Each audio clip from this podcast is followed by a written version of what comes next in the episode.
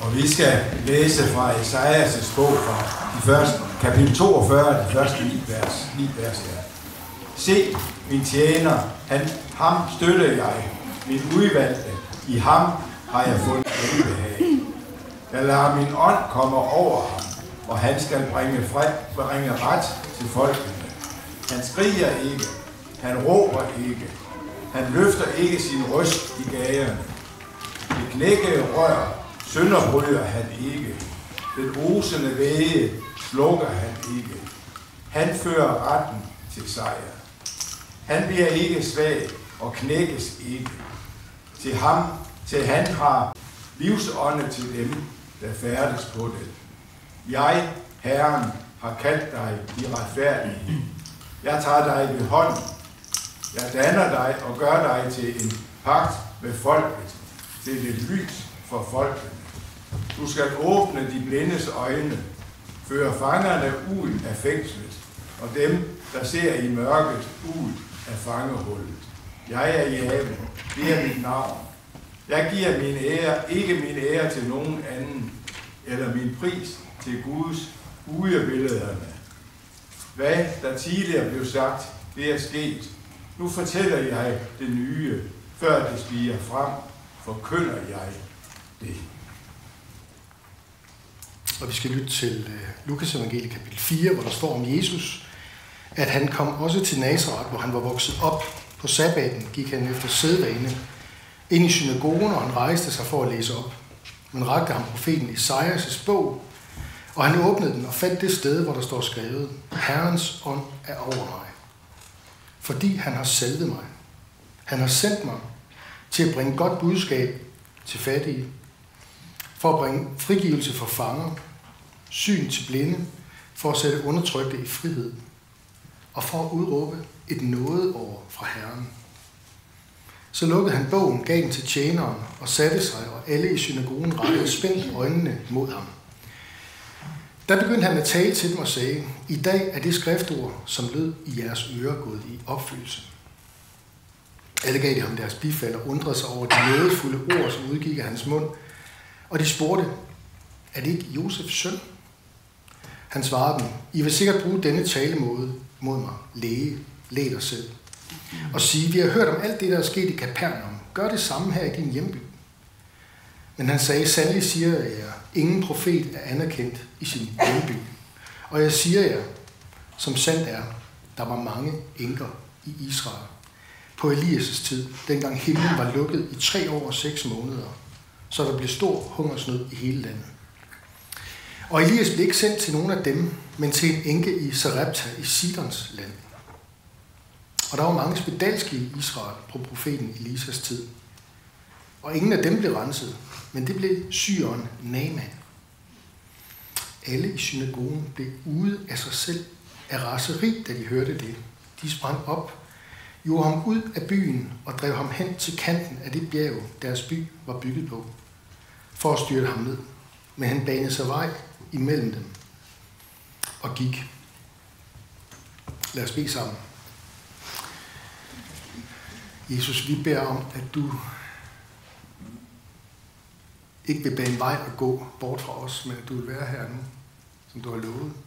Vi er samlet dit navn. Det er søndag den første dag i ugen. Den dag, hvor du engang for mange år siden gik ud af graven og efterlod verden anderledes. Med håb. Med tilgivelse. Og vi beder om, at øh, det, vi skal lytte til nu, må blive til liv for os. Dit hellige ord med din ånd. Amen. Um, jeg har taget et billede med af Jesus i uh, synagogen i Nazareth. Det er sådan et, uh, en ikon. I ser se der. Han stiller sig op og, uh, og læser. Og der kan I se, at han læser i en bog, men uh, det han i virkeligheden har læst i, det har været en skriftrulle. Man havde jo det gamle testamentets bøger på sådan nogle. Så han har ikke sådan stået og slået op sådan her. Han har ligesom taget den her rulle. Jeg har et billede mere derinde fra rekonstruktionen af synagogen i Nazareth Village, Øh, der kan I se, at der ligger skriftrullen klar, øh, så man kan rulle, rulle den frem til kapitel 61. Og så øh, det har Jesus gjort, og så har han øh, læst det der, vers, eller det, her, det her sted her. Og så har han sat sig ned, og så skulle holde en prædiken over det. Det var meget almindeligt, at man gjorde det. Altså hele den måde, vi fejrer gudstjeneste på i dag i den kristne kirke, er øh, hentet fra, altså kristendommen har jo jødiske rødder, det er simpelthen hentet fra synagogegudstjenesten, hvor man havde salmer, hvor man havde bønder, hvor man havde trosbekendelse. Her, hør, Israel, Herren var Gud, Herren er en, du skal elske Gud af hele dit hjerte, sjæl og sind osv. Det hedder Israels trosbekendelse. 5. Mosebog, kapitel 6, den, den sagde man hver dag. Man læste fra Moses, man læste fra, læste fra profeterne. Og nu er vi altså kommet til, at Jesus er kommet hjem, han er blevet en voksen mand, og han får den her rulle her i synagogen. Der sidder nogen, øh, det er nok nogle afrikanere på besøg her, kan I se en rekonstrueret synagoge i Nazareth Village. Øh, men der har siddet øh, hans landsmænd, en meget lille by for øvrigt, Nazareth, eller Nazareth. Vi har jo nok en tendens til at tro, fordi vi taler om Jesus som Jesus fra Nazareth. Og han betyder så meget for os, at vi tænker, at det må godt nok være en stor og vigtig by, Nazareth. Ikke også? Men nu holder jeg jo selskab for Bibelsk Arkeologis øh, tidsskrift her, og i december måned, der er der en, en, en række spændende artikler om Nazareth. Det er simpelthen en lille bitte, bitte snollerklat af en by, ikke også? hvor der ikke boede ret mange mennesker, måske 15-20 familier, 100-200 mennesker. Uden at sammenligne eller fornærme nogen, så kan vi sige, at hvis du bor i København og har hørt om Guds løfter og sådan noget, så hører du lige pludselig om, at de bliver opfyldt, opfyldt ude i Dejbjerg. Så tænker du, Dejbjerg, hvad er det for noget? altså det er derfor, at Nathaniel, han siger, kan noget godt, altså i Johannes evangeliet kapitel 1, kan noget godt komme fra Nazareth. Det er ikke, fordi han har noget imod Nazareth, men det er simpelthen, fordi det er så lille en by, ikke også? At det kan Gud da umuligt ligesom mm, bruge til noget. Messias kan jo ikke sådan have rødder der. Der er både 15-20 familier, og de fleste af dem de er så samlet her i synagogen, fordi Nazareth var en meget jødisk by. Den lå i Galilea. Har jeg taget et øh, billede med os af, jeg har øh, lige frem også der, I kan se lige i sådan kanten af Genesarets sø. Øh, der er fra søbredden Tiberias ind til Nazareth cirka 20-25 km. Og øh, I kan se nogle af de andre byer, han bevægede sig i. Han boede jo i, i Capernaum, men øh, han gjorde det under i med vand til vin det første store under, han gjorde. Øh, det er ikke mere end sådan 10 km nordpå. Og sydpå, øh, 7-8 km sydpå måske, der ligger byen Nain, hvor Lukas evangeliet fortæller om, at Jesus opvækker enkens søn fra Nain. Og Nazareth var altså, i dag er det jo en stor by i Galilea, en stør, den by med den største øh, øh, kristne øh, befolkning, arabisk kristne befolkning, der bor cirka 80.000 i dag. Men dengang, der var det en jødisk by, der var det en jødisk enklave, kan man sige. Øh, og området op Galilea var, øh, var faktisk øh, præget meget af den romerske besættelsesmagt. Så jo, større du, jo, jo tættere du kom på de større byer, jo mere indflydelse var der fra besættelsesmagten. Men i Nazareth, der var man meget bevidst om sin jødiske identitet. Man gik meget op i den. Lidt ligesom måske, at vi under øh, under første verdenskrig, eller 2. verdenskrig, jeg læste lige nogle skrifter af Kai Munk for nogle uger siden, hvor han skrev under 2. verdenskrig. Altså der blev jo sådan en form for vagthed omkring det at være dansk, og hvad det vil sige at være dansk og national og øh, nordeuropæisk og den slags, fordi der var en fjende, der kom sydfra på en eller anden måde. Ikke også? Og på samme måde tror jeg, der har været, der har været en, der må, vi, der må vi regne med, at der har været en national vækkelse i nogle af de her små jødiske byer, de her bitte små landsbyer. Og det er så ligesom baggrunden for, bare lige for at give jer lidt, øh, lidt, lidt øh, kontekst. Øh, I kan også se igen de her, de her meget, meget korte afstande øh, og den her lille landsby. Øh, det er baggrunden for at forstå det, øh, som sker, fordi Jesus går så ind i synagogen, læser den her tekst. Vi har lige læst en anden tekst, fra øh, Esajas kapitel 42, en af de her tekster, der handler om Herrens tjener, der skal komme, som peger frem mod Messias. Det gør den her tekst i Esajas 61 også, som han læser. Han læser den her tekst, og øh, hvis jeg lige skal, skal øh, hvis vi lige skal prøve at tage den i bidder, så er den jo interessant, i det hele taget er den jo interessant bare fordi, at den prædiken, Jesus holder her, den er lige ved at få ham slået ihjel. Øhm, og det siger noget om, hvor vigtigt det er, det han siger i den her prædiken. Det siger måske også noget til os om, nu skal vi lige lytte ekstra godt efter her. Man plejer at sige, at den prædiken, Jesus holder her, det er så at sige hans, hans programerklæring for, hvem er jeg, og hvad er jeg kommet for at gøre? Det er hans sådan, missionsstatement, hvis man kan sige det sådan. Hans programerklæring. Hvem er jeg, og hvad er det, jeg er kommet for at gøre? Og øh, jeg lagde mærke til, at han starter med at citere den første linje, hvor der står, Herrens ånd er over mig. Guds ånd er over mig. Altså, vi tror, at Gud er en, men har tre udtryksformer. Faderen, Sønnen og Helligånden. Og det har vi ud fra tekster, øh, som den her. Vi kender det også fra vores Herres Jesu Kristi nåde, Gud og Fars kærlighed og Helligåndens fællesskab med at være med os alle, som Paulus slutter anden øh, Korintherbrev med. Eller I skal døbe i faderens og søndens og Helligåndens navn. Ikke også? Men Jesus, han bruger her, han trækker Esajas 61 øh, frem, og den starter altså med en stærk bekendelse af troen på Gud, den ene sande Gud. Gud og Guds ånd er over Guds søn. Guds hellige ånd, skaberens hellige ånd, hviler nu over mig, står der i teksten. Og det Jesus han så siger, det er bagefter, da han så skal holde prædiken, siger han, det der, det er mig, det handler om. Det er ret voldsomt. Han fortsætter med at sige, Herrens hånd er over mig, fordi han har salvet mig. Det er en anden måde at sige, øh, han har gjort mig til Messias. Fordi ordet Kristus, øh, som, vi, som er en, en, en titel, vi kobler til Jesus ud fra det nye testamente, det øh, hedder på, øh, det er græsk Kristus, det hedder på hebraisk øh, Messias, og det er det her ord, det er hentet fra. Det betyder simpelthen den salvede. Han har gjort mig til den salvede. Guds ånd er over mig. Han har gjort mig til den salvede. Det er det, der læses. Det er det, der står hos Esajas. Og det er det, Jesus han så, da han selv ruller, ruller rullerne sammen, og, og så sætter sig ned og skal holde prædiken, siger, så siger han til dem, det, der står der, det handler om mig. Og det er sådan ret vildt et eller andet sted. Ikke? Det er ret vildt. Man skulle tro, at sådan noget med Messias, det er noget, der foregår i København, eller Bruxelles, eller Washington, og ikke i Dejbjerg. Det kunne de simpelthen ikke have over sig. Og de begynder også at tænke over, første mange er de jo, er de jo fascinerede. Man kan mærke sådan en, en, en, der er en fascinering af ham. En fascination af ham. Men den, den skifter. Den skifter på et tidspunkt. Den der, lige pludselig så begynder det godt op for dem. Hov, hov. Ham der, Jesus, ham, altså, hvis, I, hvis I kan se, hvordan, øh, hvordan det bliver berettet i, i Matthæus, så kan I mærke bebrejdelsen, fordi øh, i den tilsvarende øh, beretning hos Matthæus, der står der sådan her, hvorfra har han denne visdom og kraften til at gøre mægtige gerninger? Og så kommer det, er det ikke tømmerens søn? Hed hans mor ikke Maria og hans brødre Jakob og Josef og Simon og Judas? Bor ikke alle hans søstre her hos os?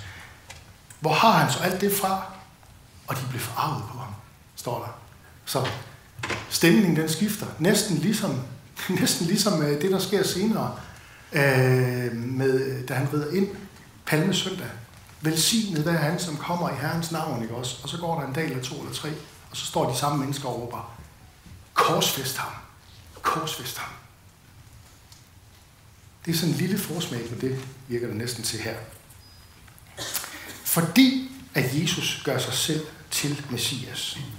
Men han fortsætter med at, læse her fra øh, Esajas kapitel 61. Siger om Gud, han har sendt mig for at bringe godt budskab til fattige.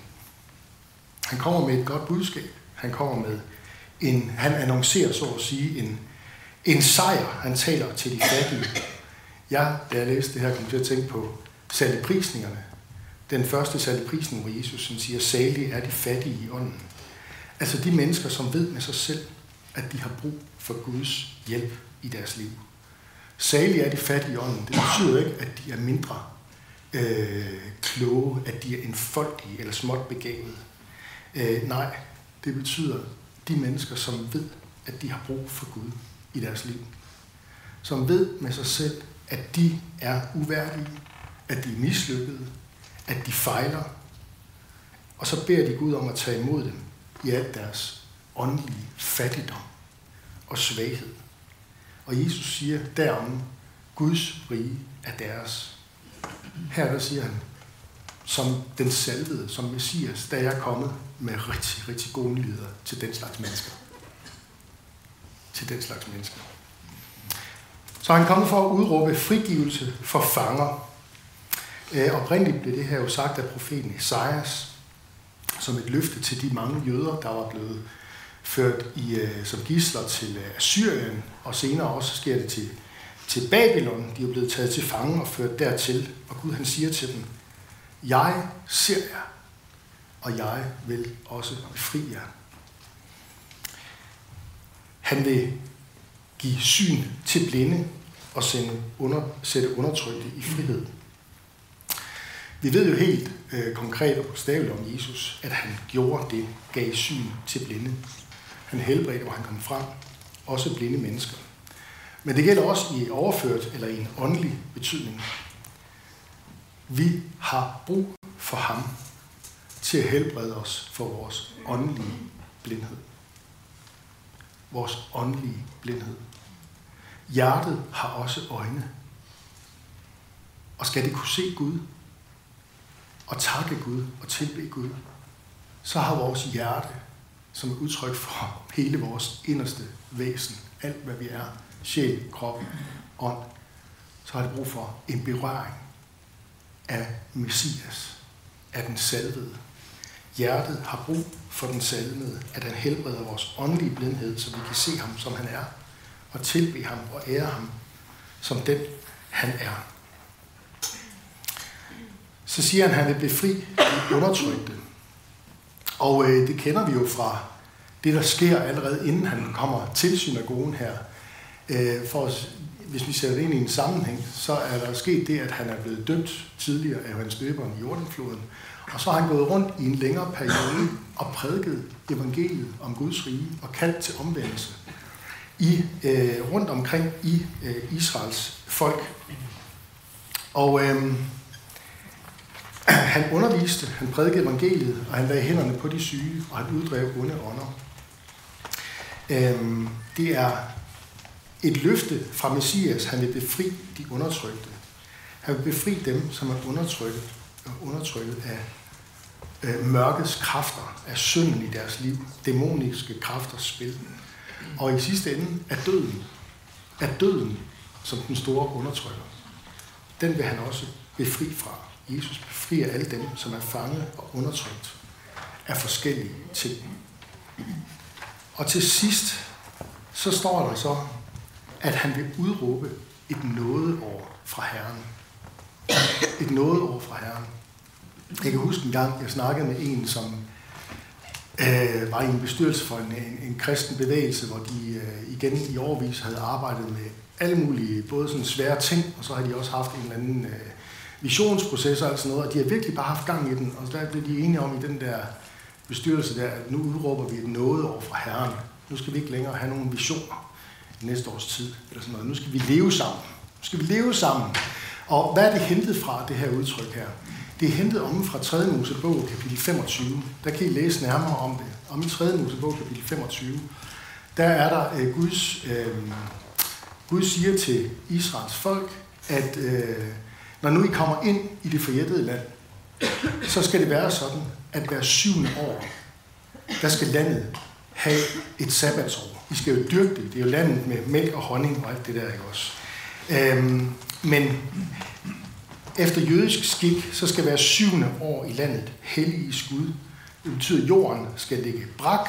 Det er et sabbatsår. Det er der, vi har udtrykket sabbatsår fra os, at man laver noget andet end det, man laver normalt til daglig også. Øhm, og øhm, meningen den er, at man skal ære Gud og blive mindet om, at det land, man bor i, det er dybest set ikke ens eget land. Landet er mit, siger Gud. Der står sådan her, landet skal holde sabbatsvile for Herren, står der. Og så står der videre, der må ikke sælges land uigenkaldeligt, for landet er mit. I er fremmede og tilflyttere hos mig, siger Gud til Israels folk. Øhm, og når det så er sket, det her sabbatsår, når det er sket syv gange i streg, altså 49, der er gået 49 år, så skal der ske øh, noget ekstra, nemlig det, der hedder et jubelår. Altså 7 gange 7 år. Og så når vi frem til det, der hedder jubelåret. Øhm, og det, øh, her skal jorden også ligge brak, og solgt jord skal tilbagegives, og gældslaver, de skal frigives, osv. osv. Øhm, jeg kom før til at tænke på, om det er derfor, at der er så mange mennesker, der brænder ud med stress, fordi de glemmer Øh, at holde øh, sabbatsår og, og hviledag og jubelår og sådan noget i deres liv. Det må I selv finde ud af, hvordan I skal gøre, ikke også? Men jeg tænker, der er en, en god pointe i noget af det der om jubelåret. Det der, hvor man for alvor går i dvale, eller giver tilbage og bliver sat fri, får den jord tilbage, man måske har solgt tidligere. Det bliver ens ejendom igen. Det har jeg set sammenlignet med en, et sted med en smartphone eller en PC, som langsomt bliver fyldt op med flere og flere programmer. Og kender ikke godt det, man har en PC, der jo mere programmer, jo mere der er på den, jo mere risikerer man ligesom, at den indimellem fryser og går i stå, og ikke rigtig kan det, den skal kunne. Også? Der kan opstå fejl og konflikter over tid. Og en af de bedste måder og mest radikale måder at løse de her konflikter på en PC eller en smartphone, det er ved at lave det, der hedder en fabriksnulstilling. Øh, man formaterer øh, tingene tilbage til de oprindelige fabriksindstillinger, og så indlæser man de gode oplysninger igen forfra. Og på mange måder, så var sådan et sabbatsår og et jubelår, et over fra Herren, det var sådan en slags gendannelse, hvor vi lige går tilbage til begyndelsen. Hvorfor er det egentlig, vi er Guds folk, og hvad er det for et land, vi bor i, og hvad er det for en Gud, vi tilhører. Så hvert 50 år, der var det meningen, at alle fejl, alle synd, alt det har med synd øh, og fejl og nederlag at gøre, alt, der var ikke, alt det, der ikke var i overensstemmelse med, med Guds hensigter, det skulle ligesom fjernes og fabriksindstilles på ny, så at Israel kunne starte frisk og forfra. Det var i hvert fald meningen med det, og idealet med det. Og det bruger Jesus, det billede, til at sige, jeg er den Messias, og det jeg kommer med, det er en ny start. Det er en gendannelse af fabriksindstillinger af, hvordan det var meningen, det skulle være fra begyndelsen af. Jeg udråber et noget over fra Gud, hvor mennesker kan få lov til at starte forfra og vide, at de er skabt af Gud. Men når de ser på mig og følger mig, så finder de også ud af, at de ikke bare er skabt af Gud, men de er også frelst af Gud. For han kommer og giver sit liv, Messias. Det er det, der gør ham så særlig. Og så giver han bogrullen tilbage og holder den her prædiken. Og de bliver vrede, og det skal vi jo lige forholde os til øh, øh, igen her. Øh, for det første kan man sige, at der er nogle steder, jeg sagde også det før, der er nogle steder i Guds ord, når der tales om Messias, så er der noget, han skal gøre, men han gør det på forskellige tidspunkter. Han gjorde det, noget af det første gang for 2000 år siden, og så er der noget, vi ved ikke, hvor lang tid der går. Der er nogen af os, der håber, at det er lige rundt omkring hjørnet. For den her verden er der godt nok mørk og bundfrossen på mange områder. Ikke også? Det er ligesom øh, den onde heks i Narnia, der fryser det hele ned, så at foråret ikke kan spire. Ikke også?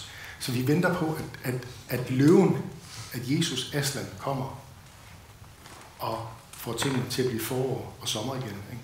Det er det, vi venter på, at hans andet komme. Øhm, der var dengang mange, der blev forarvet, og det er faktisk, det er faktisk mange jøder i dag stadigvæk er, som, som har det som hovedindvending imod øh, de kristne. Men vi som kristne har fået at vide og kan se ud fra både det gamle og nye testamente, at Jesus som Messias kommer af to omgange. Han opfylder profetierne i to omgange.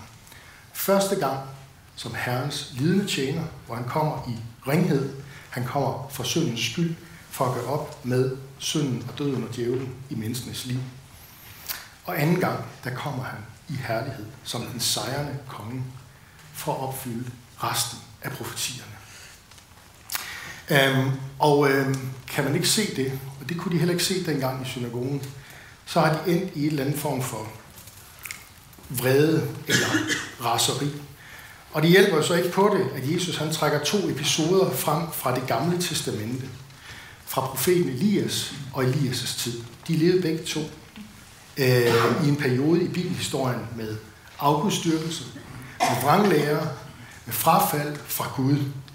Øh, ligner på mange måder den vestlige verden i dag, kan man sige. Ikke? En periode, hvor Gud han så har sendt hungersnød ind over Israels folk som straf. Og så siger Jesus øh, til, sin, øh, øh, til folkene der i Nazareth, at han siger til dem, at Elias dengang det skete, han blev ikke sendt til sultne enker i Israel, men til en sulten kvinde i Sidon landområdet op nordpå, det der hedder Libanon i dag. Med andre ord, Gud han gav en sulten hedning mad igennem profeten Elias. Kan I huske det? Eller kan I huske den gang, øh, det skete ikke med mad, men med helbredelse? For der var mange spedalske i Israel på Elisas tid. Men Gud brugte profeten Elisa til at helbrede en hedning, nemlig syren Naaman. Siger Jesus til dem, kan I huske det? Det er jo et udtryk for, at Israels Gud er hele verdens Gud. Han har omsorg for alle mennesker, for han er alle folks skaber. Han er alle folkeslags skaber og frelser. Er er Israels Gud, ja. Jeg har først og fremmest kommet for de fortabte for fra Israels hus. Men med det her, der viser han, at evangeliet, det er jo ikke noget, der gælder dem. De kan ikke have Gud for sig selv. Ligesom vi heller ikke kan have det. Hvis vi vil have Gud for os selv, og ikke dele ham med andre, ikke være en taknemmelig kirke i mission, så risikerer vi, at Jesus han baner vej og går.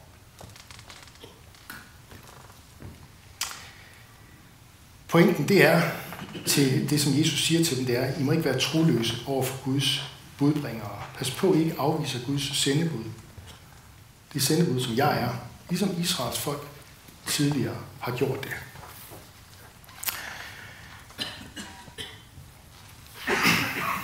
Ja. Lad mig lige slutte igen med det her billede her, som kom til mig, da det begyndte at sne. Og jeg blev mindet om det, fordi jeg læste en artikel om en, der har været og fortælle om C.S. Lewis. Jeg blev bare med, altså det er bare utrolig narniagtigt uden for lige nu. Kan I, kan I godt mærke det? Altså I kender godt filmen, eller har læst bøgerne, ikke også? Og øhm, jeg kan huske den fra, øh, fra da jeg var barn. Det her det er den, den nyeste filmudgave, ikke også? Øhm, Løven, Hekset og Garderobeskæld.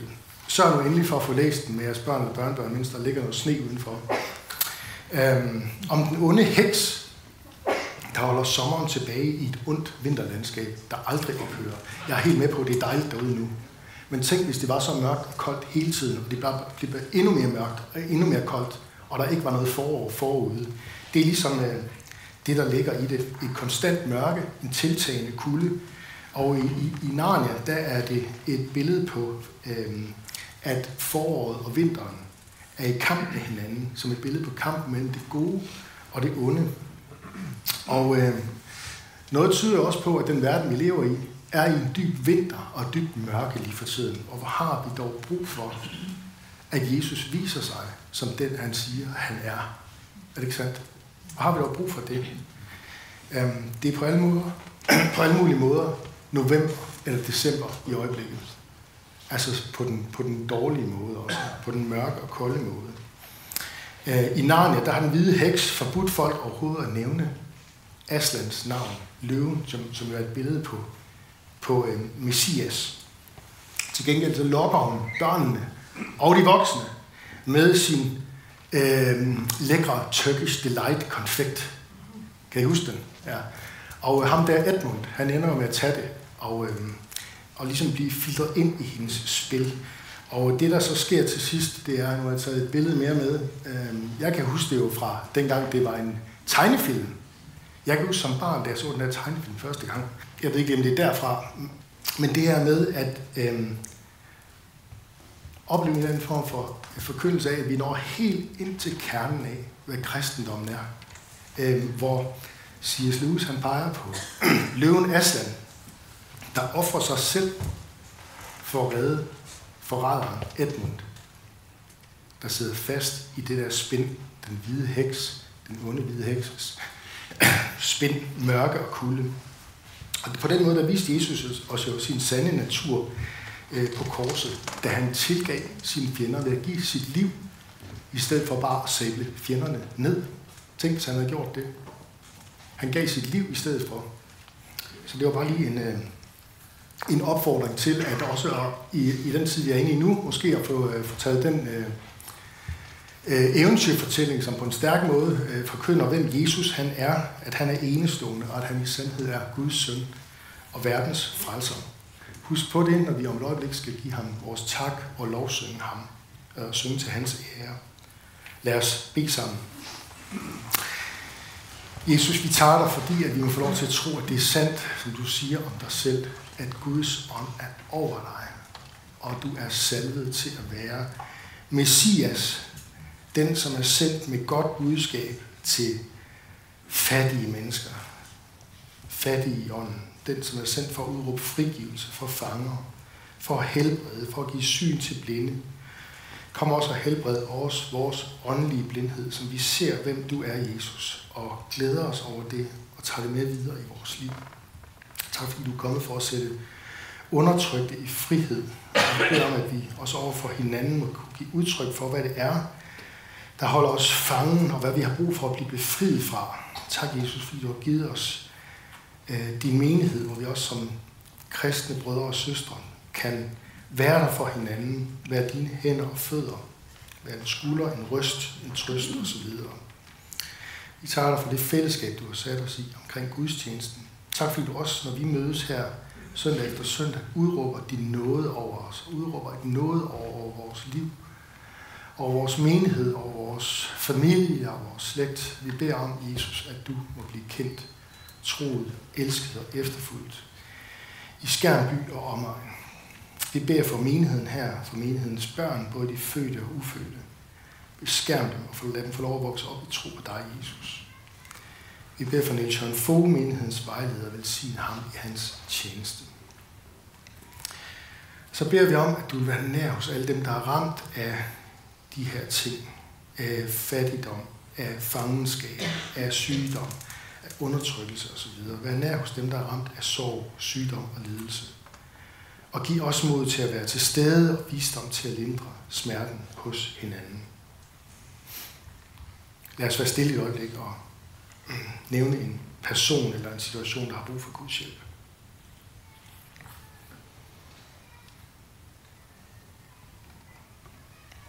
Vi beder for de folk og lande, hvor krigen raser, hvor lidelsen hover sig op. Trøst de sørgende, helt de sårede, befri de bortførte, beskyt de uskyldige og væveløse, og lad de skyldige og ansvarlige stå til regnskab. Lad der komme fred mellem mennesker og folk, og lad mennesker finde fred i dig, Jesus. Vi beder om, at evangeliets lys må skinne blandt denne her verdens muslimer, så de omvender sig og lærer dig at kende som den eneste sande Gud. Vi beder dig for det jødiske folk, for fred i Jerusalem. Vi beder om, at du udgiver nådens og bøndens ånd over dem, som du har lovet. Og lad den tage imod dig som Messias i glæde. Vi beder om, at de gode nyheder om dig er der må få fremgang i Danmark, i vores hjerter, i vores folks hjerte. Vi beder for alle, der er blevet betroet magt og autoritet i den her verden. Hjælp os, hjælp dem til at værne hinanden mod uret og vold. Og kom så snart. Og gør alting nyt. Det beder vi om, Jesus, i dit navn. Amen.